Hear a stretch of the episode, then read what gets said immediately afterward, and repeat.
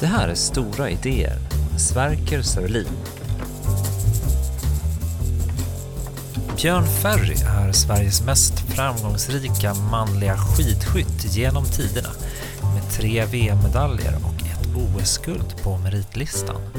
Han är också hedersdoktor vid Mittuniversitetet, expertkommentator i TV och engagerad i klimatfrågan. Ibland tänker jag att vi kanske går, går bort oss lite grann eftersom neandertalare och de här andra vad ska jag säga, människoarterna inte längre finns, vilket gör att vi som tror att vi står över allt annat och är på något vis gudomliga. Mycket av berättelserna styrs kanske av det. På 70-talet var Sverker Sörlin elitskidåkare men han kunde inte klå Thomas Wassberg så han fick bli idéhistoriker och professor på KTH istället. År 2011 utkom essän som knöt ihop alltsammans. Kroppens geni, Marit Petter och skidåkning som lidelse. Dagens politiker klättrar på stora idéer. Ibland vet de inte ens om det själva. Välkommen till min podd.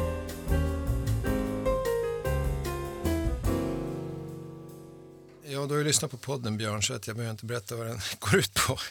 Eh, men det handlar om politik på lite olika sätt här. Och du är mycket välkommen. Stort tack. Till Björn, till min eh, podd här. Eh, nej men alltså, och innan vi rullar vidare här, Björn, så skulle jag egentligen, för jag har också lite svajigt minne ibland sådär, hur, hur träffades vi egentligen första gången? Kommer ja, ja, alltså jag har ju haft lite koll på dig, så jag vet att vi bjöd in dig till Vinterstudion en gång. Ja, och, det var och, och sen... Eh, det var, vårat... i det, polsk, det var ett koppmöte i Katowice, tror jag. Ja, exakt. Kan ha varit 18. Ja, men det var nog även tid, alltså där, och så hade vi ett miljöprogram som vi sände på SVT, jag och Heidi, Storman Forever, och då, då bjöd vi in dig som gäst i programmet där också. Ja. Och sen har jag vid tillfällen... Då åkte vi rullskidor, kommer jag ihåg. Ja, exakt, på rullskidbanan i Storuman. Jag fick aldrig se det där färdigt, jag på något sätt följde bort. Men vi, vi, jag har hört folk säga att vi skidar runt där på asfaltsträngen i skogen. Där. Ja, men exakt. Och sen ja. när jag är nere och kommenterar så har jag ibland hört av mig så att, och ja. för så att vi skulle ta en middag och, och resonera. Mm. Så att jag har alltid varit nyfiken på dig och läst dina böcker och så vidare. Just det, resonera. Du har alltid framstått som att du kommer med en ordentlig dagordning. Ungefär. Du håller upp eh, manuskript ur portföljen för att liksom kunna ställa frågor. Kan vi prata om det här? Och jag, och jag, vill suga ut så mycket ja, som möjligt ur dig. Att jag, jag har ett litet egoistiskt perspektiv där, att jag, jag, vill få ut någonting av det. Vi kan inte mm. bara prata sport, utan Nej. jag vill komma ifrån ett möte och ha lärt mig någonting. Ja, Okej, okay. ja, vi får se hur det går här då. Eh, och jag har också med mig en bok som du har skrivit här. Hur fan ska vi ha det? Dagbok 2022-2023 som du har skrivit. Och en del av det jag är nyfiken på eh, är, finns i den här boken, men inte bara det för den delen. Hur som helst, jag vill säga, om man läser den här boken så får man veta en massa om ditt vardagsliv under detta år kan man säga. Du är ganska detaljerad, du går omkring i skogen, du sköter den, du har din familj, du, du berättar om barnen och om Heidi, din, din eh, fru, du pratar om släkt och jobb och utflykter och sånt där. Och så går du omkring och tänker hela tiden. Liksom löp, fortlöpande, en sorts ständig tankeprocess som redovisas i den här boken. Och nu är du med i en podd som handlar om det politiska. Varför tror du att du är här? Ja, men det måste väl vara att jag då på något vis är en reflekterande person som är väldigt nyfiken på framtiden. Jag vet inte egentligen. För att ja. det här är en reflekterande podd? Ja, och som handlar om liksom idéer och tankar och berättelser om framtiden. Och, och att du är liksom, jag ser det mest som idéhistoriker och, mm. och liksom har koll både bakåt och i nuet och framåt. Och att det är det som är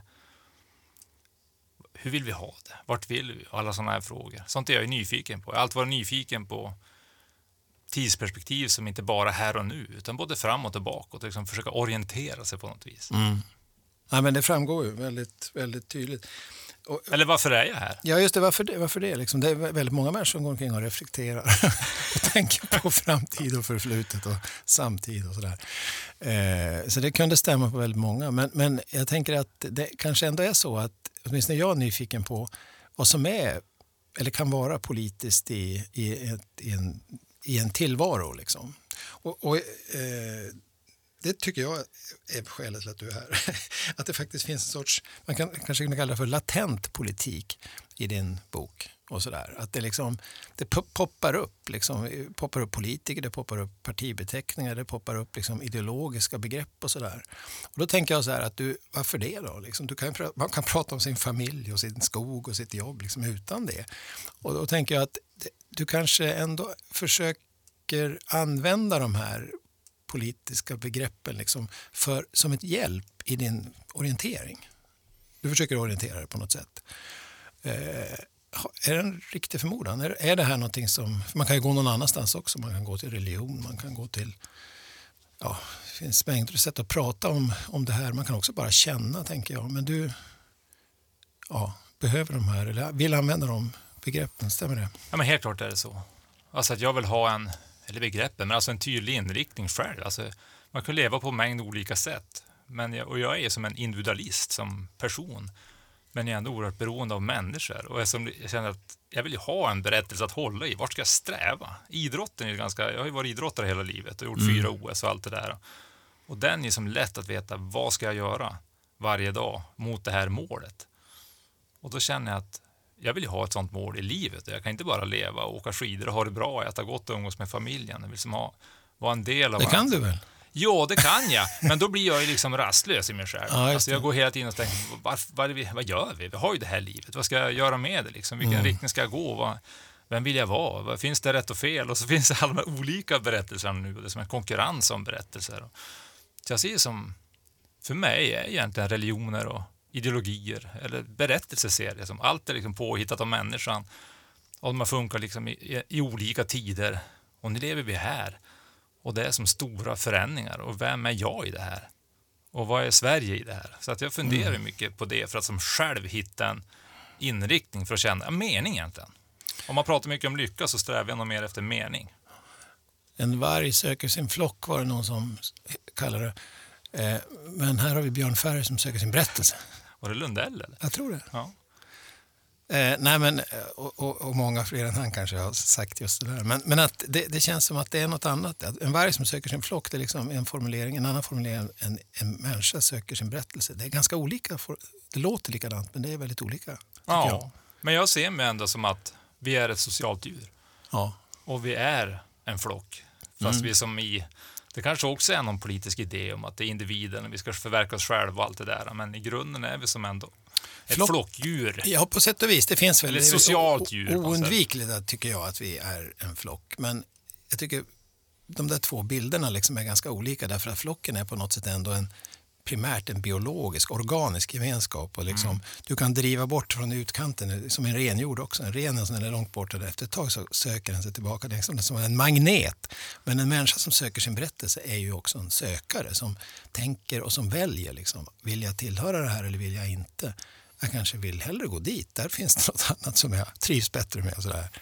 Det tycker jag man märker i, i din bok.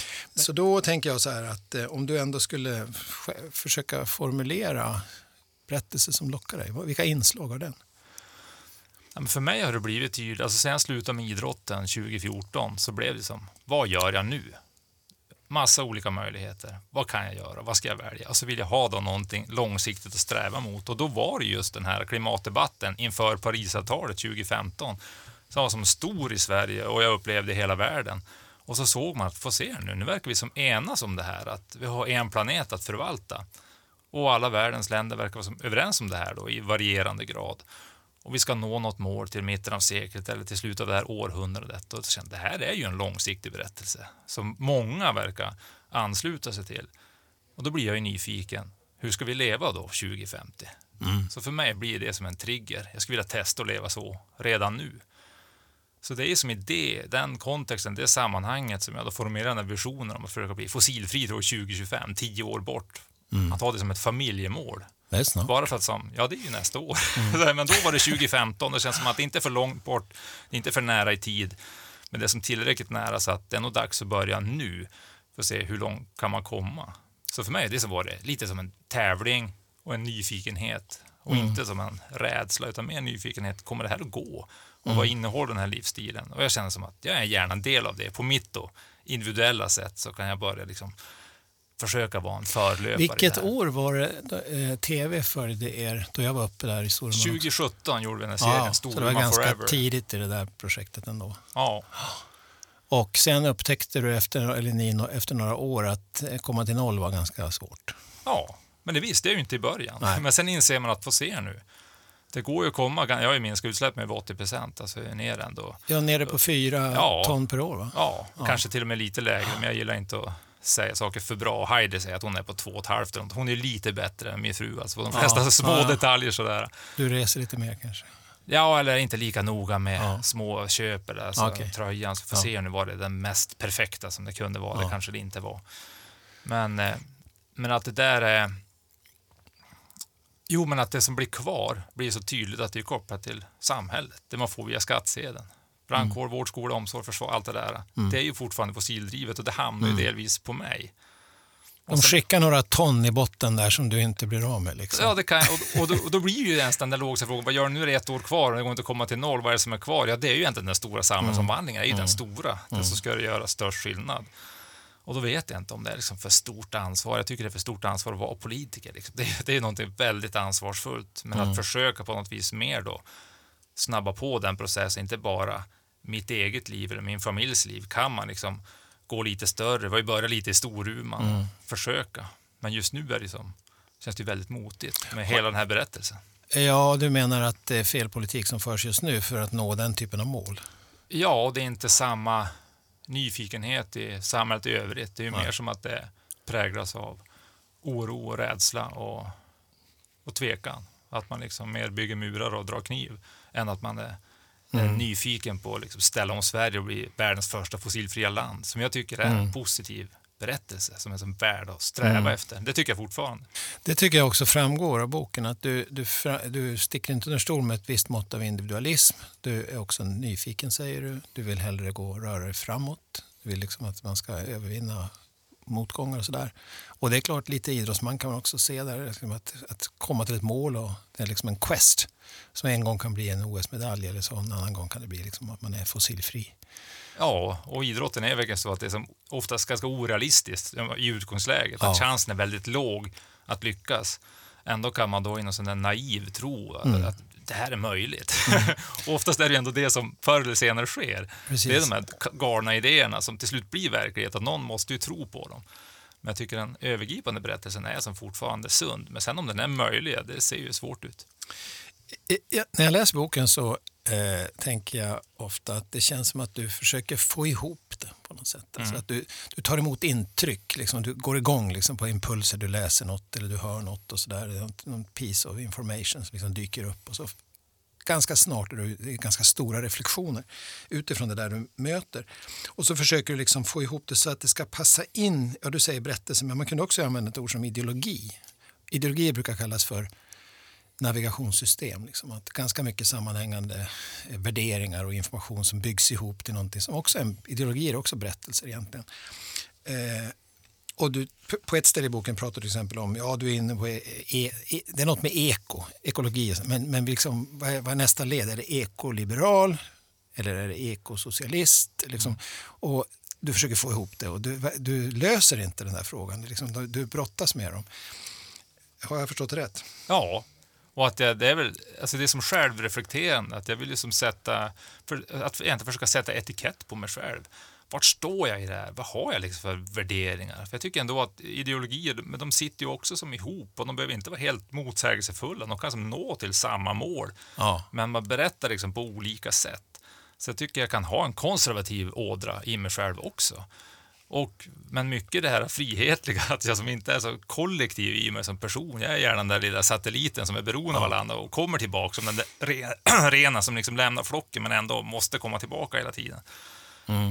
Och så gör jag en massa uppoffringar i att som downsize och leva snålt och, och, och alltså, det har jag också i mig. Så att det är så både teknikoptimist och att ändra livsstil. När man då ser i politiken så är det som antingen eller. Och jag ser det inte som ett motsatsförhållande själv. Men ändå så orientera sig i då, vem är i det här? Vad är det vettiga? Alltså det stämmer egentligen eh, på riktigt liksom att när du säger ekoliberal så det finns, du har liberala drag. Ja. Och det skriver också apropå partival och sånt där någonstans i boken om att det kanske en liberal valsedel kanske någon gång har funnits, i din, åtminstone i din hand i, ja. i något skede av processen. Och, men samtidigt socialist finns också på kartan, det vill säga det liksom, man måste göra saker tillsammans för att åstadkomma något och sådär.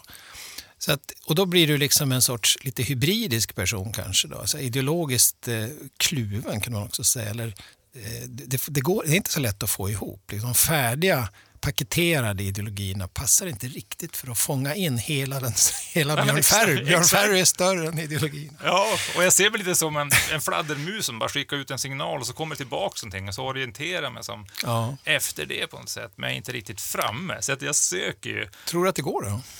Att det någonsin lyckas att få ihop det på det sättet? Jag tänker att jag är som en, en minivariant av vad demokrati är i mig själv. Mm. Alltså det är det ständiga böljandet fram och tillbaks mellan olika saker, men som ändå sitter ihop. Det är ju som inte att jag hatar mig själv ena dagen. Alltså det är som, jag är inte mm. polariserad i mig själv, utan Nej. det är mer som ett evigt pågående samtal. Där som under någon period så går det åt ena hållet och nästa mm. period så går det lite åt andra hållet. Men förhoppningsvis så blir jag liksom mer och mer vis och bildad under resans gång. Och kanske inte lika då tvärsäker och dömande och så här, det här är det rätta. För jag är ju aldrig helt övertygad om vad det är som är det rätta. Men alltid nyfiken på att få höra ett bättre argument. Och kommer det så mm. då är jag beredd att ändra mig. Och det ser man i den vanliga debatten, är det väldigt ovanligt att någon erkänner ett misstag, att man hade fel eller vad det nu kan vara. Man saknar den politikern på något sätt. Alltså apropå politiker, så politiker mytologiserar gärna landsbygdsväljarna nu för tiden. Du, ni bor ju på landsbygden kan man ändå lov att säga. Ja, eh, södra Lappland. Södra skogsbygden. Men, och, och du pratar om de andra som bor där förutom er då så är det liksom människor med ja, det är väldigt lätt att liksom kollektivisera. Man ska inte göra det alltför... Men du pratar till exempel om valet av bil. till exempel. Du har, ni har elbil. Och eh, många, inte bara inte har elbil, de vill fan inte ha någon heller. det är nästan en religion att man ska ha något som brummar som du skriver. Och så där. På det sättet kan man liksom skilja ut en kategori landsbygdsväljare eller medborgare. Då, liksom, så de har vissa egenskaper då, som skiljer sig från... Så ni lite atypiska också kan man säga som landsbygdsbor. Men den här mytologiserade landsbygdsväljaren, hur, som politisk figur som partierna de senaste åren har slagit som att, så att säga, nå eftersom den kategorin nu verkar liksom inte riktigt ha fått som de har velat det under ganska lång tid och varit åsidosatta. Hur ser du på det? Ja, men så är det.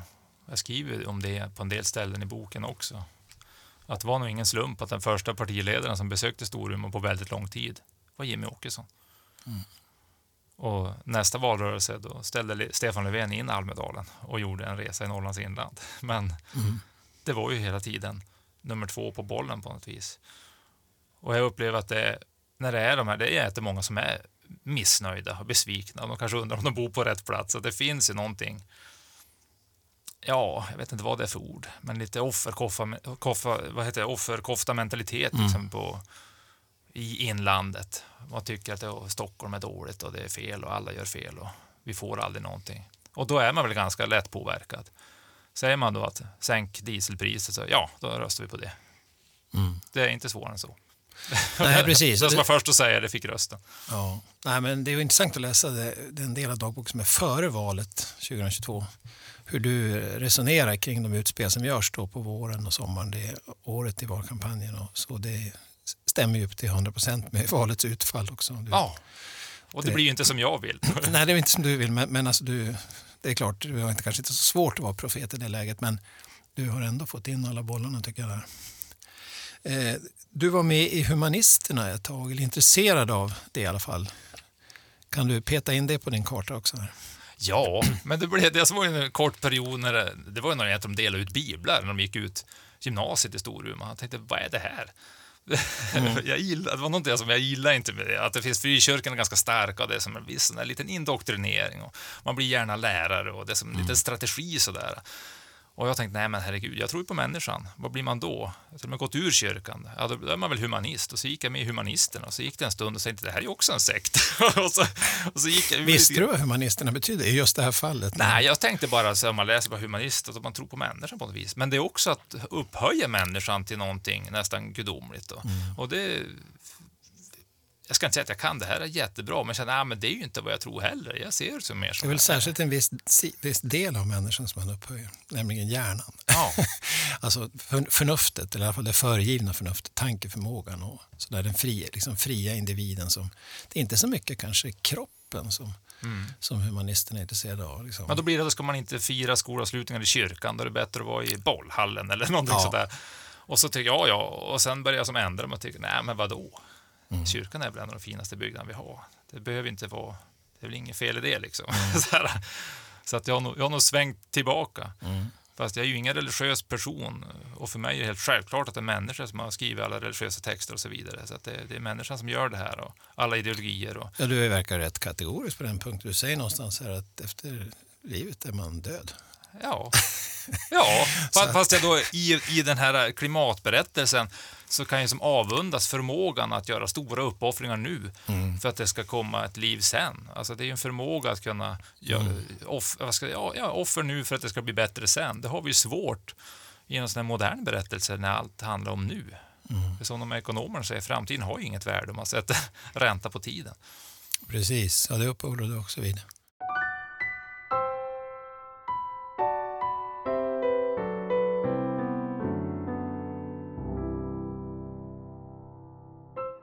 Och så är intresserad av tretåig hackspett. Alldeles för mycket. Förklara vad en savrad är. Ja, men det är att den här tretåiga hackspän är ju som lite känd för att göra att den ringhackar träden. Det blir som, en, som ett band med små inhack på, på träden. Och, med, näbb, med, näbben. med näbben. ja. Och då, på våren framför allt, för att då, då, då rinner saven till och då blir det som en extra näringskälla samtidigt som det blir en insektsfälla då med tiden. Och då har det som varit teorin om att det är bara 3 som gör det här. Mm. Och eftersom den är så diskret och svår att se så tänkte jag att det vore ett bra sätt att inventera den, att bara leta efter de här märkena istället för att hitta fågeln. Så för mig blev det som en ingång att verkligen kartlägga den tretåiga hackspetten. Är den publicerad nu, artikeln? Ja, inte den sista. Den är ju accepterad, sådär, men den är inte publicerad. Men den du bråkar med redaktörerna om här ja, i boken, det, den är klar? Nej, nej, nej fortfarande det, inte. är fortfarande inte. Ja, den är klar, men de har problem på tidskriften och håller på att göra om och det är Lunds universitet. Ah, okay. och så. Men det, men, om några veckor sägs det. Kommer nog, ja. ja och, det, och det är mest fascinerande att den har blivit så aktuell. Det är ju skogsfågeln nummer ett nu i hela den här artskyddsförordningen och domstolsfrågorna. Mm. Vad, vad, gäller liksom? Ska staten betala eller ska markägarna ersättning? Och nu är det liksom mm. tretåig som jag har ägnat fem år åt. Mm. Nu är den i centrum i skogsdebatten, så det är lite kul när jurister är av sig till mig och frågar, liksom, initierar frågor om tretåig hackspett liksom, för att jag har publicerat vetenskapliga artiklar om det. Du får gå direkt från Vinterstudion till Naturmorgon. ja, men det är ju så. Vem är Björn Ferry? Ja, precis. Alltid den här Ferry. Nej, men alltså, eh, jag tänker att det är någonting med den här berättelsen och det här ideologiska landskapet där liksom får det plats lite olika saker. Liksom. Där är humanisterna, där är kyrkan. Där är savraden och den tretåiga hackspetten.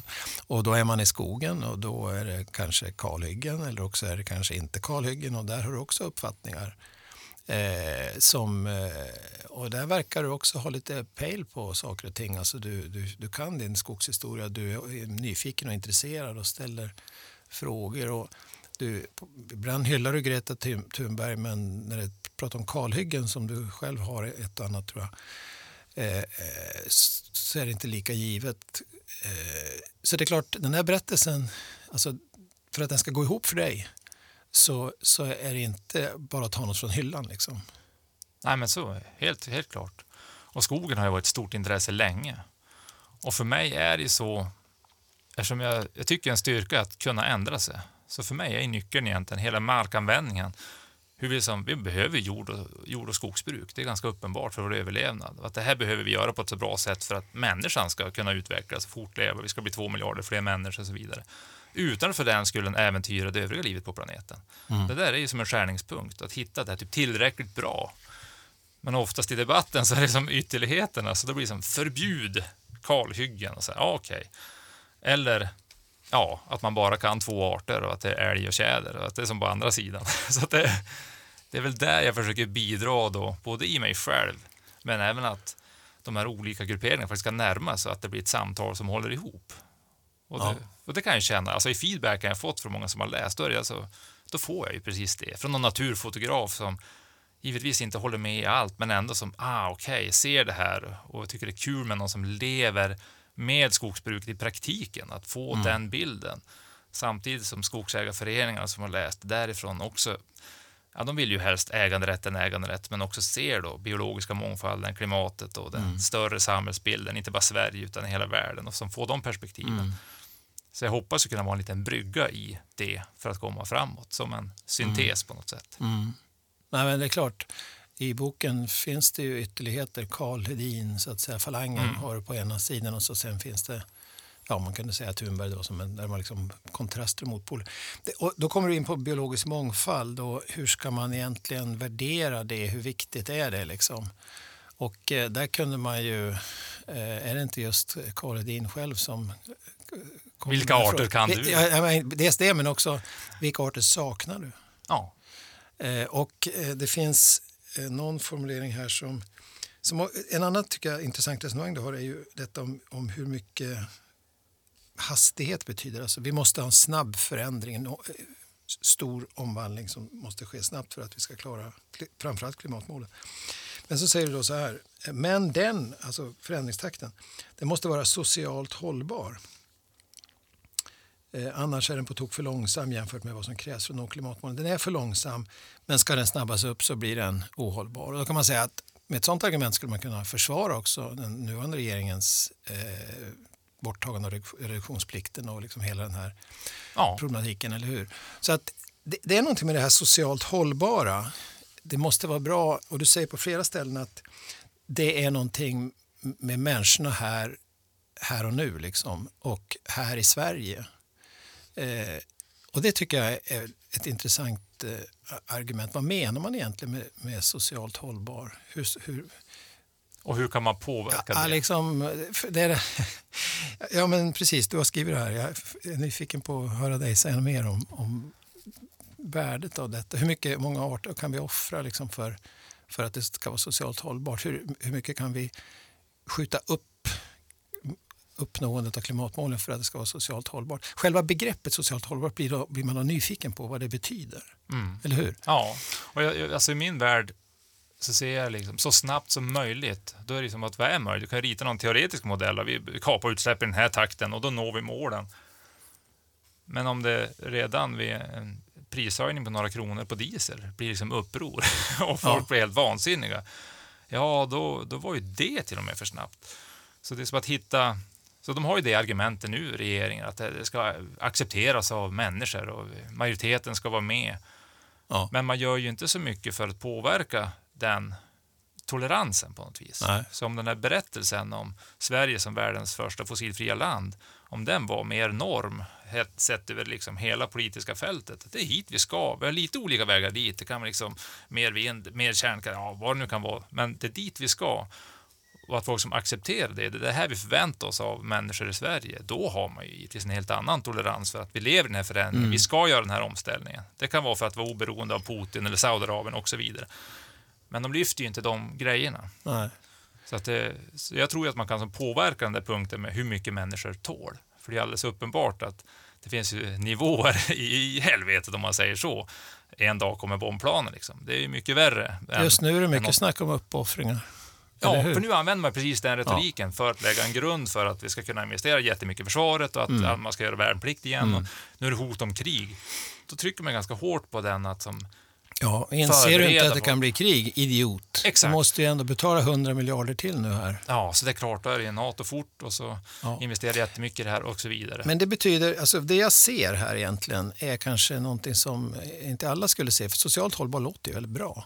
Och acceptans låter väl också jättebra. Mm. Man ska acceptera saker. Men kanske är det så att när man börjar titta, ta fram förstoringsglaset och titta på sådana här formuleringar, då ser man att här är politiken verkligen på precis, det är så proppfullt med politik. Alltså så enorma värdekonflikter liksom ligger inbyggda i denna lilla for formulering som är så fin. Socialt hållbar, eller hur? Ja, Men där, där, där, där sitter många jävlar i detaljerna. Liksom.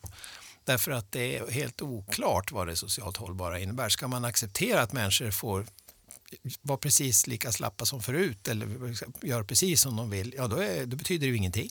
Nej. Samtidigt kan man ladda det där med moral. Mm. Du påstår någonstans i boken här att du läser en filosof som heter Simon Blackburn. Jaha, det var också inspirerad av dig, för jag hörde att du hade... Du Det pratade är om inte det. många som skriver det, att de sitter och läser Simon Blackburn. Nej, och, och den, var, den var en tunn bok, men ändå väldigt sådär... Ja, visst är den fin? Simon Blackburn är en brittisk filosof och professor från Cambridge som gjort sig känd för att föra ut sin kunskap till en ganska bred krets människor. Till exempel i TV eller via sina korta introduktionsböcker. Boken som Sverker och Björn refererar till här i podden heter i svensk översättning Kort om etik. Så här skriver Blackburn själv i förordet. Boken du håller i dina händer är resultatet av en övertygelse att de flesta introduktionsböcker till etik inte lyckas bemöta det som verkligen gör människor besvärade av ämnet. Vad jag tror besvärar dem är allt det som ligger till grund för vår rädsla att det skulle vara något slags hyckleri att uttala sig i moralfrågor. Rädslan kan kallas relativism, skepticism eller nihilism. Ja, den är fin. Jag fick börja flera gånger och ta den på engelska också, Mm. för att jobba på. Och där tror jag nog med mig mest det där, alltså för min egen del, att, att, att hitta som ett vad gör jag för, vad gör jag för del i någon berättelse? Som att för mig då att agera moral, Mm. alltså om, jag, om, om den här frihetsvärderingen är så stark för mig så blir det lite grann, ja, jag vill ju ha min frihet men jag vill inte påverka din frihet.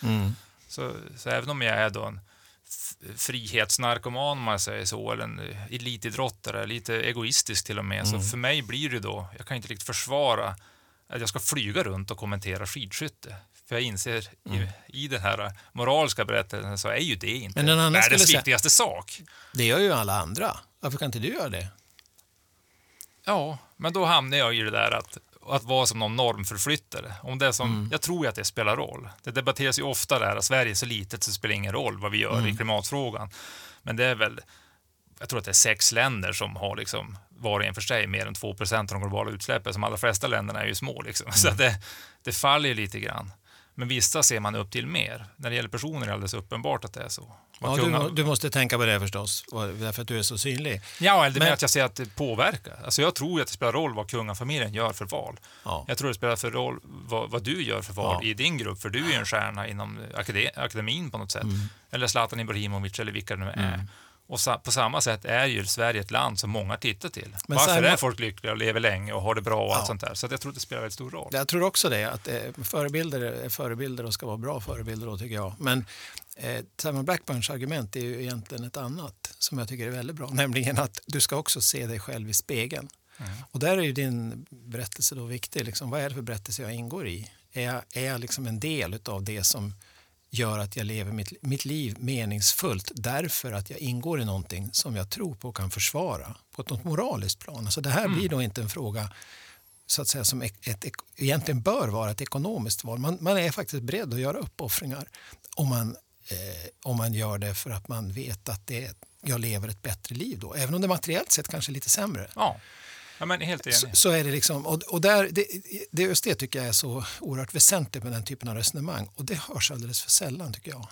Så därför blir liksom själva, man kan säga, eh, Simon Blackburn säger inte det så jätteuttryckligt men i praktiken är livsvalet också ett politiskt val. Så att politiken är så att säga inställer sig obönhörligen i varje människas liv. Liksom vilka avgörande man träffar. Och det tycker jag framgår i din bok. Alltså att den, den förefaller på ytan liksom både småputtrig och trevlig. Den gör kul saker. Åker ut och tittar på sällsynta blommor som nornan till Ja. exempel. Ni kommer på verkligen fina lokaler för den. Och, så där, och, och, och det, det är lite fiske och det är lite samtal med både släkt och grabben så där, som reflekterar över framtiden. Och så. Allt det där är så fint. Men liksom, ur det där, liksom, under ytan så känner man liksom närvaron av- moraliska val som är politiska val. Så jag tycker att, och, och din egen ska vi säga, navigationsproblematik här blir på något sätt väldigt illustrativ tror jag, för väldigt många människor upplever. Och när ideologierna i förr i världen liksom verkligen var färdiga liksom, paket du kunde ta till och ganska enkelt översätta till ditt eget liv som arbetare eller tjänsteman eller aristokrat eller vad du nu tillhör. Liksom, så är det ju inte så riktigt längre. Och, och kanske är det också därför som den här landsbygdsväljaren har blivit så mytologiserad tror jag. Därför att den den, den, förut visste vi vad vi hade dem, men inte nu längre. Liksom. Och partierna famlar också, de vet inte vad de ska hitta. Så därför blir på något sätt din bok tycker jag, illustrativ för någon form av mycket, mycket större politiskt landskap än det som är ditt eget. Liksom. Ja, och att det kanske är en avsaknad av den. En ny berättelse eller en ny ideologi, att det är någonting som saknas som behöver formuleras och tänkas. Har du fått frågor om, från politiska partier någonsin om du skulle vilja engagera dig? Ja, mm. senast i förrgår. Du, du borde. Det är jättemånga som säger det. Men, eh, men så att, eh, kort bara om jag fortsätter, ja, men just det där med mm att jag gillar att du uppfattar boken så, för det är så jag, när jag läser den själv och som det är liksom tänkt. Det är ju en dagbok, men det är ändå tänkt att läsas. Och om du tar Simon Blackburns bok som är liksom tunn, men den är ändå liksom, du måste vara verkligen skärpt för att ta igenom den och, mm. och, och, och som greppa den så är ju mitt syfte att det ska vara, sidorna ska flyta, det ska vara lite lättsmältligt, men, det ska, men det ska komma då någonstans, om den mm. bara plockar ut kärnan, då, det som är lite tyngre, mm. och gjorde en bok av det som var på 42 sidor, mm. så ska den upplevas mycket mer svårläst mm. och, och, tyngre. Liksom. Mm. Lite inspirerad av eh, Daniel Kahneman och det där, mm. kring den där psykologin och hur man, hur man som uppfattar saker. Om man får en liten present hos tandläkaren efteråt så var det ett mer positivt mer positiv behandling till exempel. Så jag försöker skriva på det sättet att det ska vara Det tänkte jag inte på, att du kan låta Kahneman bakom här. Men det var alltså han som snackade om att tänka fort, och, lång. långsamt. Ja, precis. Men också så tydligt hur, hur en, en, en smärtsam behandling, om man avslutas mm. med, med lite smekningar i nacken, så då, då, kan man liksom utstå, då minns man det så mycket bättre. Men det var den andra följdfrågan du hade, vad var det? Det var det med det, jo, politiska. Och det är många som har frågat genom åren. Men jag tycker att det är så allvarligt. Jag vill inte ha slagfärdiga, roliga, klämkäcka politiker. Jag skulle vilja ha mm. tråkigare politiker mm. som verkligen var kompetenta. Det är sådana som Sverker Sylin som borde vara... Ja, du är inte tråkig, men, men, men alltså när det blir någon popularitetstävling som är liknar Melodifestivalen så är det som att det är inte det vi ska ha. Det här är viktigare än så. Mm. så att jag, och jag tycker det är för stort ansvar.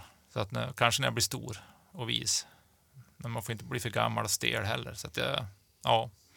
Nej, men precis. Nackdelen med att bli politiker är att man måste välja. Då. Alltså då får du helt enkelt lov att Ja, och då måste jag rätta in mig. Och precis, då, och då, då, kan du inte säga allt hela tiden som du kan göra nu. Nej, vilken bra idé du hade där och det var motståndare liksom, men då ryker man ju.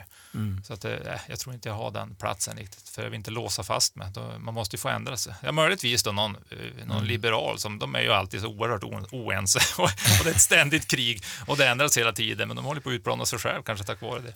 Ja, precis. Just nu är det inte någon högkonjunktur för svensk liberalism.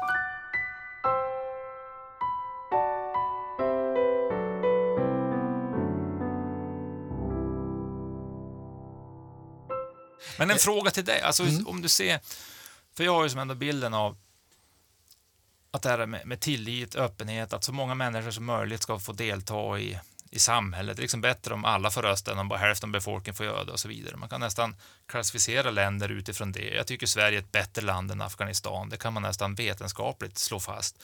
Men också att ju fler som får verka fritt och göra sina egna val och så vidare och så vidare. Det är ju det vi som gör tänk om det är det som gör att vi liksom går in i väggen också. Att mm. vi har hela, alla människor kommer in i världsekonomin och ökade friheter. Det är som att det saknas ju någonting. Att det gör att vi som accelererar in i det här, eller över stupet eller vad man nu ska säga. Så att det är ju också då hur hanterar man det? Mm. Det är som att det framgången i sig gör att mm. vi har fortare kommit dit. Men det är ju också en framgång att just nu så är det ju ändå att de allra flesta människor i världen. Det är som den bästa tiden att leva. Det var inte bättre för 200 år sedan, eller något sådär, 1867 i, i Storuman. Så det där... Särskilt inte 1867. Nej, nej precis. alltså det, det som har, var, hur, det är ju där då ser jag behovet av att det måste vara en planet. Vi måste liksom ha det där globala samarbetet mm. och det är FN och alla de här grejerna. Att liksom verka för det. Och nu fråga? håller det på att brytas ihop. Vad är min fråga? Ligger det något i det? Att det är som att det, det är framgången och de berättelser mm. som har styrt oss vart vi hamnar nu, mm. som vi har sett som moraliskt försvarbara, mm. egentligen är på väg att leda oss helt fel. Jag tror du skulle fråga mer precis om hur mycket demokratin egentligen kan åstadkomma. Alltså, jag, jag brukar säga ibland... Ja, du får tolka den som du vill. Chockera, chockera människor. Att, att vi har två stora system egentligen som, som styr vår värld. Det ena kallar vi demokratin. Och även om det nu är en demokrati på tillbakagång på väldigt många ställen så är trots allt stora delar av världen styrda demokratiskt och har varit ett bra tag dessutom i det här laget. Och så har vi då marknaden som är rest, liksom ekonomin också mycket dominerande, även om det finns undantag från den också. Och båda de här två systemen de, de har de egenskaperna att det liksom går att maximera utfall. Mm. Man maximerar utfall i marknaden genom att vara vårdslös skulle man kunna säga. Ofta är det så. Det är liksom, historiskt har det varit så. Och att, genom att inte behöva betala för det som är dyrare men bättre kan man säga. Mm. Och eh, erbjuda sånt till många människor som masskonsumtion och sådär. Överkonsumtion blir ju det då väldigt lätt. Då material leder till miljöförstöring. Så liksom där driv, det driver åt det hållet. Demokratin just nuet i Sverige är en ganska bra illustration. Det, är det du skriver om i boken om valkampanjen 2022. Man erbjuder någonting som många människor egentligen innerst inne förstår inte riktigt leder åt rätt håll. Men för just för mig just nu är det bättre. Då kan vi kalla det acceptans. och, så, och så har vi liksom ett, ett, ett, svar på det. Då ska folk få fortsätta göra som de vill för 4 kronor mindre för dieseln. Och så, och så kontraproduktivt. Och de, så att de här två systemen är riggade så att du kan liksom tjäna på att göra dåliga saker. Mm. Du, du, du tjänar inte bara den vägen. Liksom det finns, du måste också leverera sånt som är o, ovillkorligen bra saker. Liksom. Men, men då vill jag säga att då är det, saknas det inte att det är, jag skriver det så att det är för lite marknad. Att det är den där prissättningen på kol prissättningen på liksom förlust i biologisk mångfald, om det där tas in i kalkylen, då är det så oerhört mycket som inte skulle bli gjort. Ja, vi tar bort subventionerna till kol och olja till exempel, ja. det skulle vara ett sätt, det, absolut. Ja. Eh, jag tror att det, men, men liksom min, det tror jag är sant, Eh, att man skulle kunna försvara mer marknad som en bättre lösning. Men så fort man kommer in på den typen av frågor så blir det lite mer komplicerat. Vad jag egentligen vill visa är att det finns enorma attraktionskrafter så att säga i i de här två jättestora systemen som vi har. Som i, ibland i vissa avseenden leder, lätt leder åt helt fel håll. Och det har vi inte lyckats bemästra på något sätt. Liksom hur, hur man, och där tycker man kanske ändå att politiken skulle kunna vara lite bättre på att faktiskt se säga, det. Ja, se det och säga till väljarna, okej okay, alltså vi, vi måste både individuellt och som kollektiv faktiskt styra mot ett bättre mål. Och då kan man säga att det var en bra idé att inrätta ett, en klimatlag i Sverige för mm. nu sex, sju år sedan. Och eh, att liksom gå den vägen. Det innebär ibland att man får ta på sig en tagelskjorta. Det är, vissa uppoffringar måste göras. En del saker måste bli dyrare. Vanlig hedlig bensin måste bli dyrare. Eh, det liksom bara är så. Då pressar man till slut bort det där. Men det är klart på kort och medellång sikt så är det väldigt många som inte ställer upp på det. Och, så där. Nej, och det övertrumfar ofta den långa berättelsen. ja. Så då gör man undantag från den långa berättelsen och så gäller det inte längre. Och i skogen då, om man skulle pressa dig då, skulle man säga att vi behöver ha mera stående skog. Mm. Och vi måste därigenom liksom kanske utveckla en lite äldre typ av skogsbruk som var liksom mer småskaligt skonsamt. Du pratar om blädning i boken till mm. exempel. Mm. Man behöver kanske inte gå fullt så långt men att bara göra som man tyckte man kunde börja göra på 50-talet när man fick maskiner och allt det där så man kunde göra stora kalhyggen. Det kanske nu helt enkelt inte funkar för vi har nya anspråk på vad skogen ska leverera. Ja. I form av klimatnytta till exempel. Och då är det lätt det är lättare att tänka på det sättet i Bryssel än det är i Stockholm faktiskt. Ja, men så är det. Och, och, i synnerhet om man liksom kommer ut på, på marken. Då liksom, och då har skogsföreningarna med skogsägarna och allt det där. De har ju sina individuella behov som alltid i någon mening är kortsiktiga därför att då är det min skog och det är min livstid eller generation, kanske 10, 20, 30 år det handlar om. Och det är en helt annan bild än om du liksom tänker att vi har ett stort jordklot, EU är en stor del av världen, vi måste maximera klimatnyttan i vår region av världen. Det är liksom ett legitimt resonemang men de kommer helt i clash. Mm. Men det är ju som verkligen förändringens tid. Så står vi här och pratar om tio år så tror jag att mycket har ändrats. Ja, Precis. Och just nu känns det osäkrare än någonsin.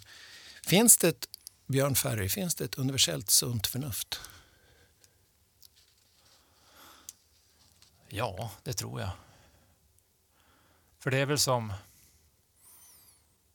Ibland tänker jag att vi kanske går, går bort oss lite grann eftersom neandertalare och de andra vad ska vi säga, människoarterna inte längre finns, vilket gör att vi som tror att vi står över allt annat och är på något vis gudomliga. Mycket av berättelserna styrs kanske av det.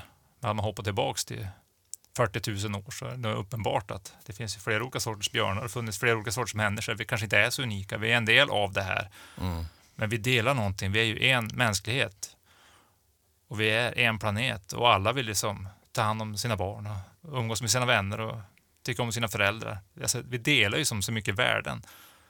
Så rimligtvis finns det någon form av universellt sunt förnuft hur vi alla vill ha det, alltså gemensamma mål. Men är det inte mål. sunt förnuft eh, att, eh, att, eh, att det är kvinnorna som lagar mat? Det verkar inte vara så hos er i alla fall. Ni, du, du lagar jättemycket mat, framgår den här boken. Ja, alltså vi, vi, Men för ja, bara en generation sedan eller två Ja. så kunde din man inte steka ett ägg. Nej. Och det säger allt som lever förändras. Ja. så det är som att... Nej, jag tänker bara att det, är det som är sunt förnuft, i en, i en, det är liksom så oerhört Ja, det kanske styrt ändras då. Ja, jag tänker ja, att verkligen så. är Alltså, olika tider och Ja. är det krig så är det, det finns sunt förnuft och vem man bör skicka fram och inte. Mm. Så att det är klart, det beror ju på det. Men att det ändå finns då, Jag tror också att Karl Hedin. Karl Hedin tror att det är sunt förnuft att, att, säga- att, liksom, att ställa den där frågan. Du, du, kan, eh, kan, du, kan, du kan faktiskt inte säga vilka arter du saknar. Och det visar väl att det inte är så jäkla viktigt med de där arterna, eller hur? Mm. Och då, det är en fråga ni brottas med lite grann i familjediskussionen också, vad jag förstår i boken. Och då kan man säga att ja, den typen av frågor tror jag inte man kan bara säga att okej, social hållbarhet, då ska vi ha den, då får vi offra lite arter. Utan man måste gå lite djupare då, som du gör med tre tåg i hackspett. Ta reda på riktigt mycket för att kunna besvara de frågorna. Och då, ibland tror jag man måste ha också experter. Alltså Ja. de som faktiskt vet någonting om sakerna, som kan erbjuda det som vi kan göra till sunt förnuft. Alltså att sunt förnuft är i någon mening en evolutionär produkt som vi i samhällsutvecklingen skapar tillsammans. Liksom. Och så småningom lär vi oss mer och mer tillsammans om någonting och då kan vi säga att okej, det, det jag sa för tio år sedan, det, det kan jag faktiskt inte säga längre. Ja, men jag, helt jag vet bättre nu. Men att du också då håller ihop, jag tycker du beskriver så bra. Måste vara, är det ditt sommarprat där med att en historikers uppgift är att hålla koll på vårt kollektiva minne? ja, du citerar det. Ja, bra. Och jag minns det. Så att, det- och att det då... Att annars kan man snart sagt tycka vad som helst och hålla det för sant. Ja. Annars vet jag vad, och det gäller väl egentligen i allting. Ja. Och, och då är det ju inte bra. Det kan ju vara alltså, hela människans historia. Det är synd att det brann upp biblioteket i Alexandria eller någonting. Det Mm. finns saker långt bort som har fallit i glömska som kanske var en kunskap som hade varit värdefull nu. Men då är det viktigt att, att det finns människor som hela tiden då har de här specialiteterna men ändå sitter ihop med det övriga. Så Eller ta inte- juristerna. Att Polen idag, två parallella rättssystem verkar just nu finnas i Polen efter valet.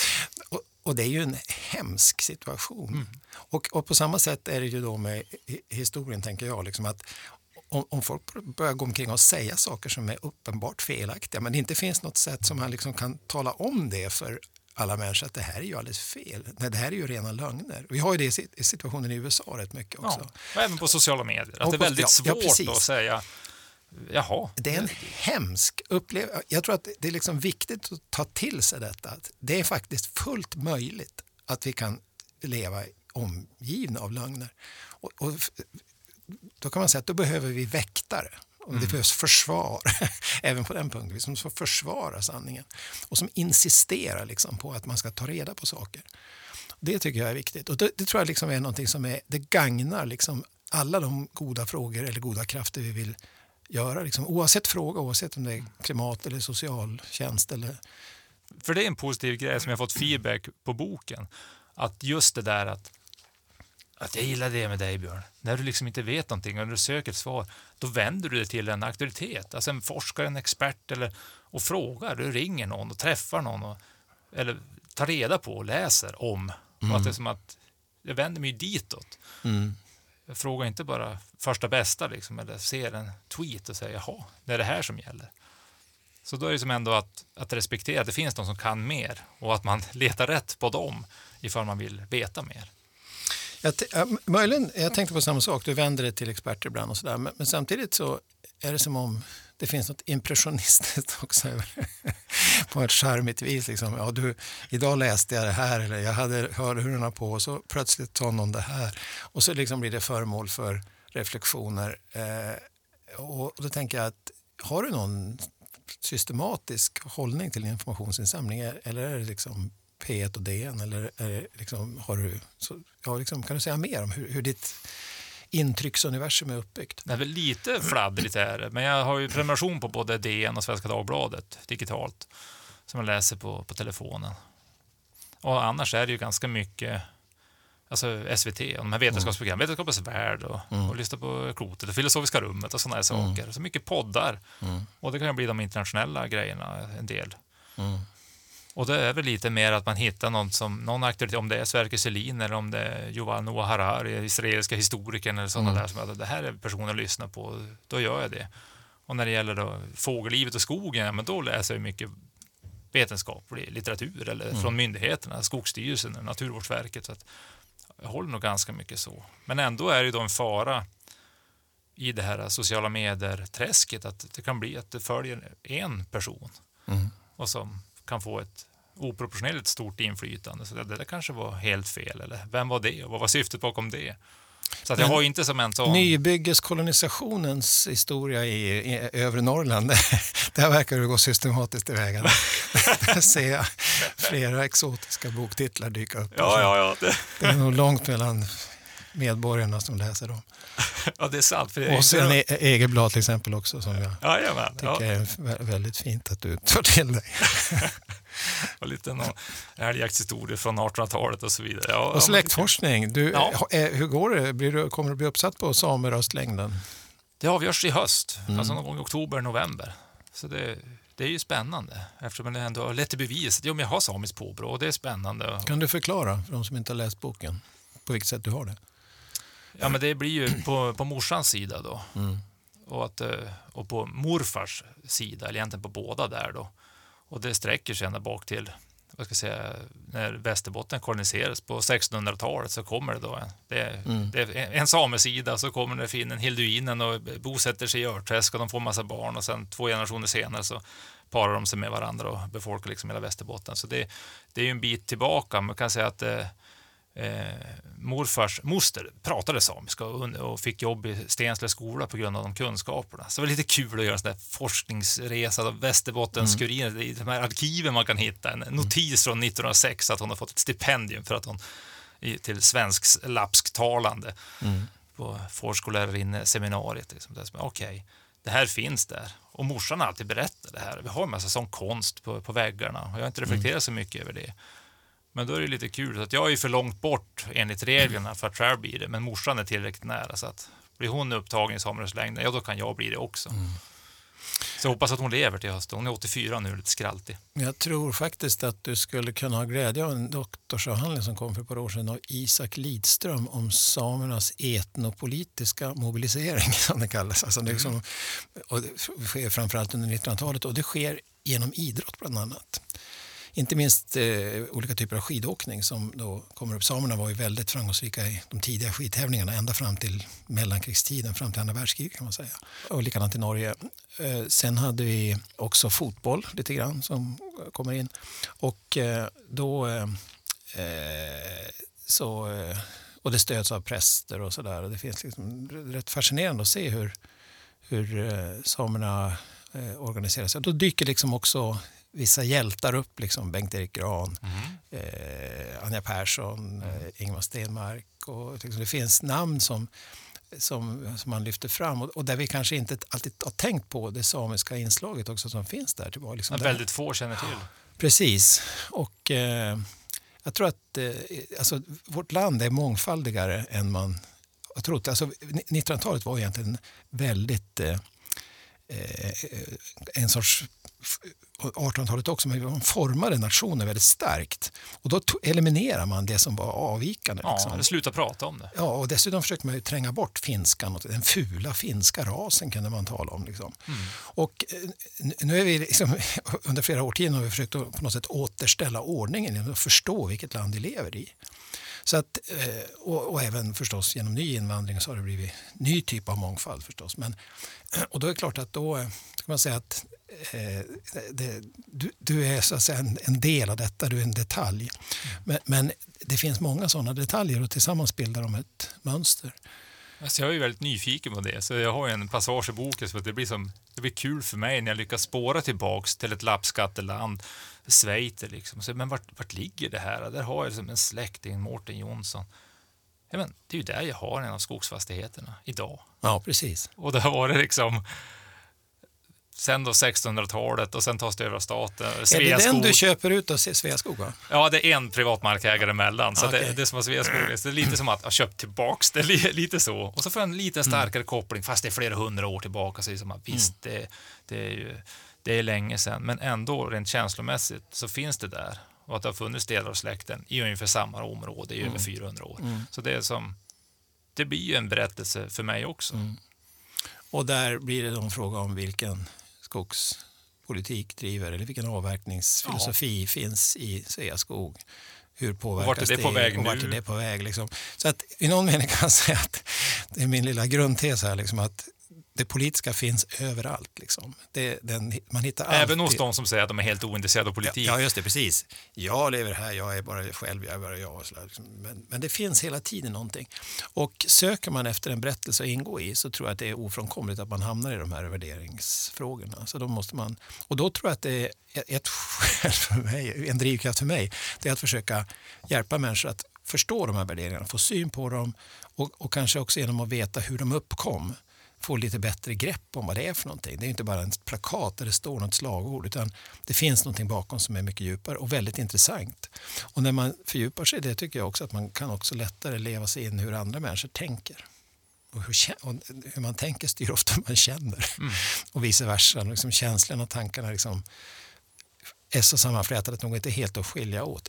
Vilket var vad humanisterna försökte göra tror jag. Ja. De försöker skilja ut rena förnuftet så att säga för att höja, höja upp det. Men, men har, har lite- svårt med allt det andra som sitter ihop med förnuftet. Och, och det är klart, man kan ju drömma om ett rent förnuft men jag är inte säker på att det är bättre än ett orent. Ja du, vi driver omkring här på vår poddyta. eh, Så att frågan är hur länge vi ska hålla på med detta. Jag kanske ska, Minst tre timmar säkert. Minst tre det tar timmar. aldrig slut. Det eviga samtalet tar aldrig slut. Nej, men jag tänker bara, eh, du är också intresserad av sanningen här som jag har snuddat vid också. Bara om sen, du, eh, du brottas lite grann med det här om ärlighet verkligen vara längst nu för tiden. Eller hur? Ja. Men du övergår inte till att ljuga va? Nej, men jag försöker... Alltså, Ja, nej, men det är, som en, det är en det? värdering. Mm. Och det har väl alltid varit så. Jag tror jag var lite inspirerad av Gunde Svan. Jag läste hans bok när jag var liten. Om man hade gjort något bus och gått sönder några ruta så då säger man, då räcker man till handen och det var jag. Man Mm. erkänner liksom att ta sitt straff. Jag som kört det där också. Man sparkar iväg bollar så for snett. Men då kändes det alltid bra att säga att det var jag.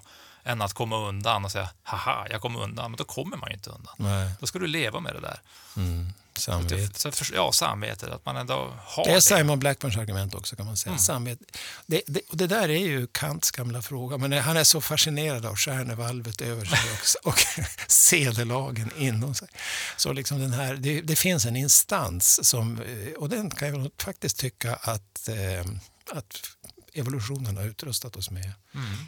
Och därför att det, är liksom, det, det är något att vara verkligen varsam med.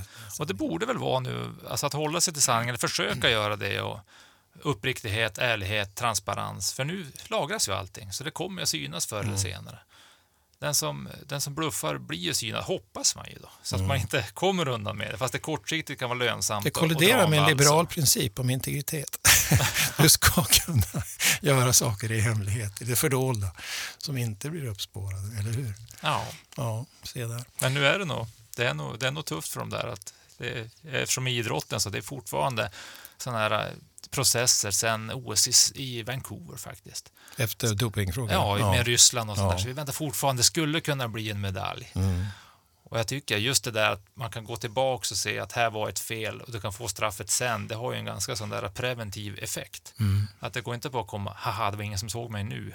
Jo, ett DNA-spår kan ligga kvar liksom i en stubbe där du har stoppat in ett finger i Mm. tiotals år. Så att det är som, Och blir du avslöjad då så kan eh, någon få en bronsmedalj i posten. exakt. Som räcker hela vägen. Eh, Okej, nej men alltså eh, Björn Ferry, det var jättekul att prata med dig om din bok som heter Hur fan ska vi ha det? En en dagbok från åren 22 och 23. Så tack för att du kom. Stort tack för att jag fick komma. Stora idéer med Sverker Sörlin är en podd från Arena Idé. Har du en fråga till Sverker Sörlin, mejla till podd arenagruppen.se och dela gärna avsnittet i sociala medier så att fler får höra. Producerade gjorde jag som heter Rasmus Malm.